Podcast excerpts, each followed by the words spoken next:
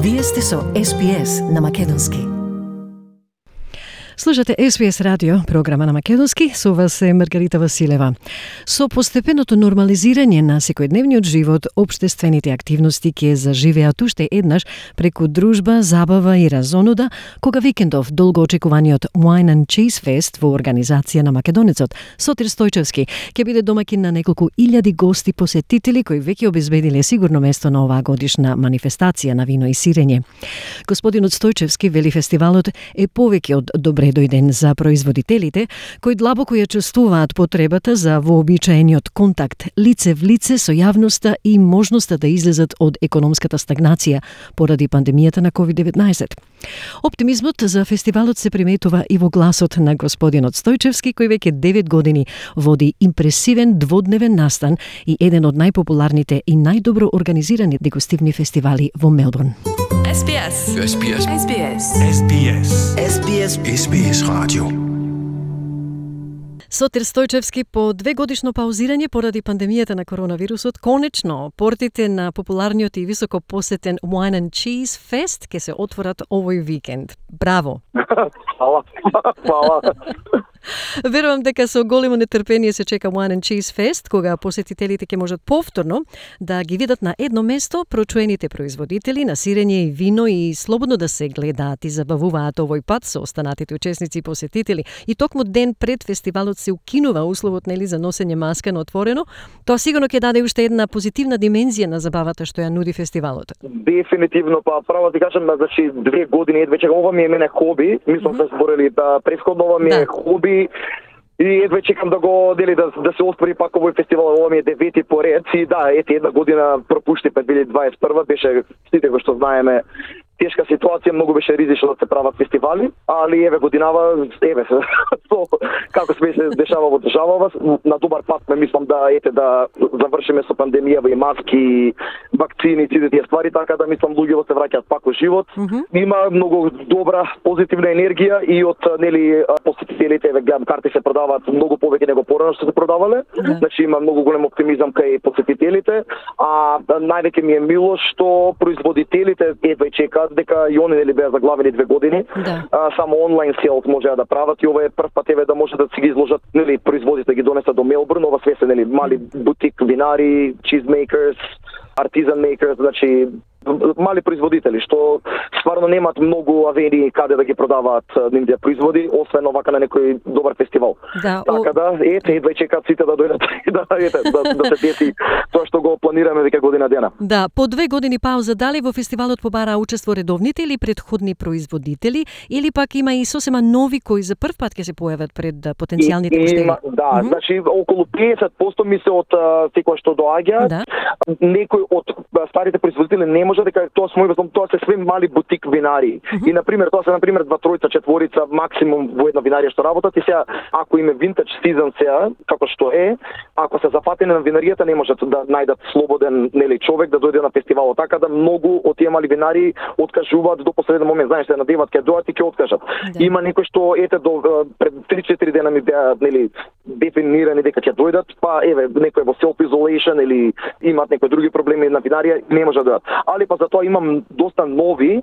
Имам сега, значи, многу голема помош од еден од најпознатите чиз Монграс во Австралија, што е Artisans Band, он е од Queensland, а, он има многу голема фирма со многу голема дата база на мали производители, така да он многу ми помогна да уствари оваа година имаме сега и од No Fusion Wheels, и од Queensland, и од Јужна Австралија. А, извини, и од Тасманија, О, што ќе дојдат производители. Така да имаме многу голем број на разновидни производители. Може да се рече дека е да, национален фестивал.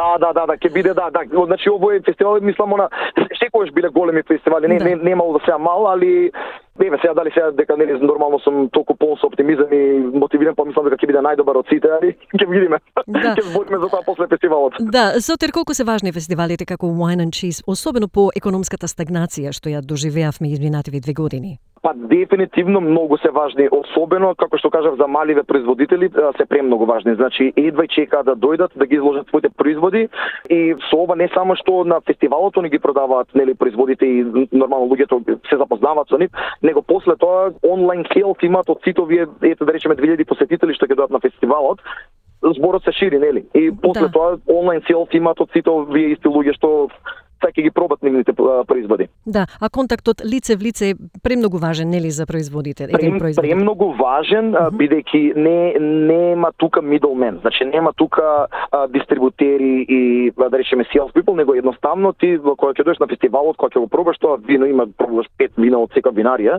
за секој вино можеш да дознаеш како го направил, зашто го направил така, што ставил кога од, од, од која година. Значи многу ја не се разбирам толку сега за детали како сомелиерите што се разбираат, Да. али многу луѓе што се разбираат и ги интересираат тие детали за вино, имаат шансите да зборат со производителот и да ги дознаат сите тие детали што ете многу значат за луѓе што не љубат вино. Да, фестивалот е токму место за за таков за таква едукација, нели? Фестивалот е полн со атракции, сотре посебно место им давате на експертите на производите, значи во форма на master classes. На последниот фестивал приметив дека овие сесии кои фигурираат многу често низ целата програма се многу добро посетени и се особено информативни и едукативни за возрастните, се разбира. Да, да, значи има голем ин- интерес од самите производители, едве чекат нели да направат воркшоп, мастер клас, да објаснат нели како тоа како ги правеле производите, како како да се консумираат исто тие производи, на пример керинг, како да да спаруваш вино со какво сирење, како вино со какво сирење.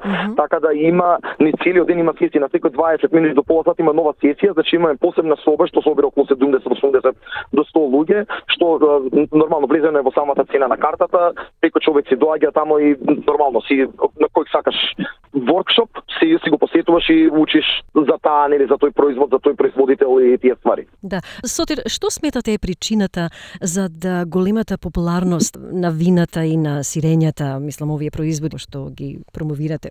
Види, не е само тоа, значи многу повеќе од тоа, значи ова е фестивал, дека на пример добро сирење, добро вино ти пак сепак можеш да отидеш и во продавница да го купиш, него ова е сепак фестивал, значи фестивалот е тоа што е популарното. Значи ние го правиме фестивал да има толку многу атракции, значи луѓето кога ќе да, да, значи прво нешто што доаѓате за тоа вино и сирење, али покрај тоа добиват многу повеќе, значи од сите тие мастер класови, воркшоп, жива музика, имаме Да. театарски артисти што роверинг прават тие- преку дента, Да. имаме комедијант што ќе биде MC за Grapestone Competition, значи луѓе се надпреваруваат и нели газат грозје во буриња и сите се победници, ствари нема кој да изгуби тука. Значи имаме 16 луѓе што ете ќе се такмечат и секој добива награда. Значи Да. нема некој што ќе изгуби.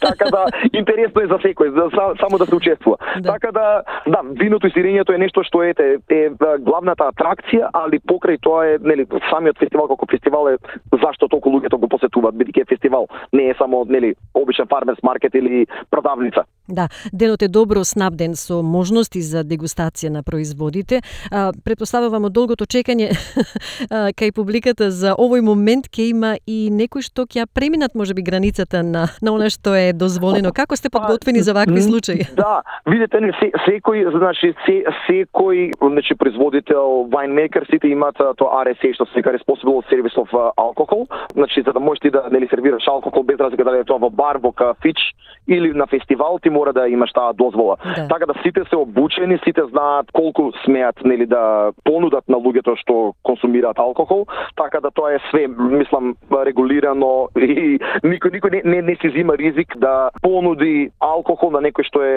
веќе intoxicated што би се рекло на англиски, така да тоа таков ризик никој не зима, нели? Да. Дека и казни има големи тие ствари. Така да мислам ама види на, на овие фестивали доаѓа стварно културен народ, цивилизиран народ, луѓе што сакаат нели да да по- помогнат финансиски на сите овие производители, да нели да се поминат убаво на тој ден. Фамилиарни луѓе многу доаѓаат, значи имаме и Kid Zone, значи овој фестивал е отворен за деца. Имаме значи face painting за децата вклучено во цената, има доста многу игри, значи додека родителите нели уживаат во тие и во тестинг на вината и на сирењата, Да. децата во исто време можете да бидат занимавани од некој друг да ете родителите како јас на пример да можеме да се опуштиме.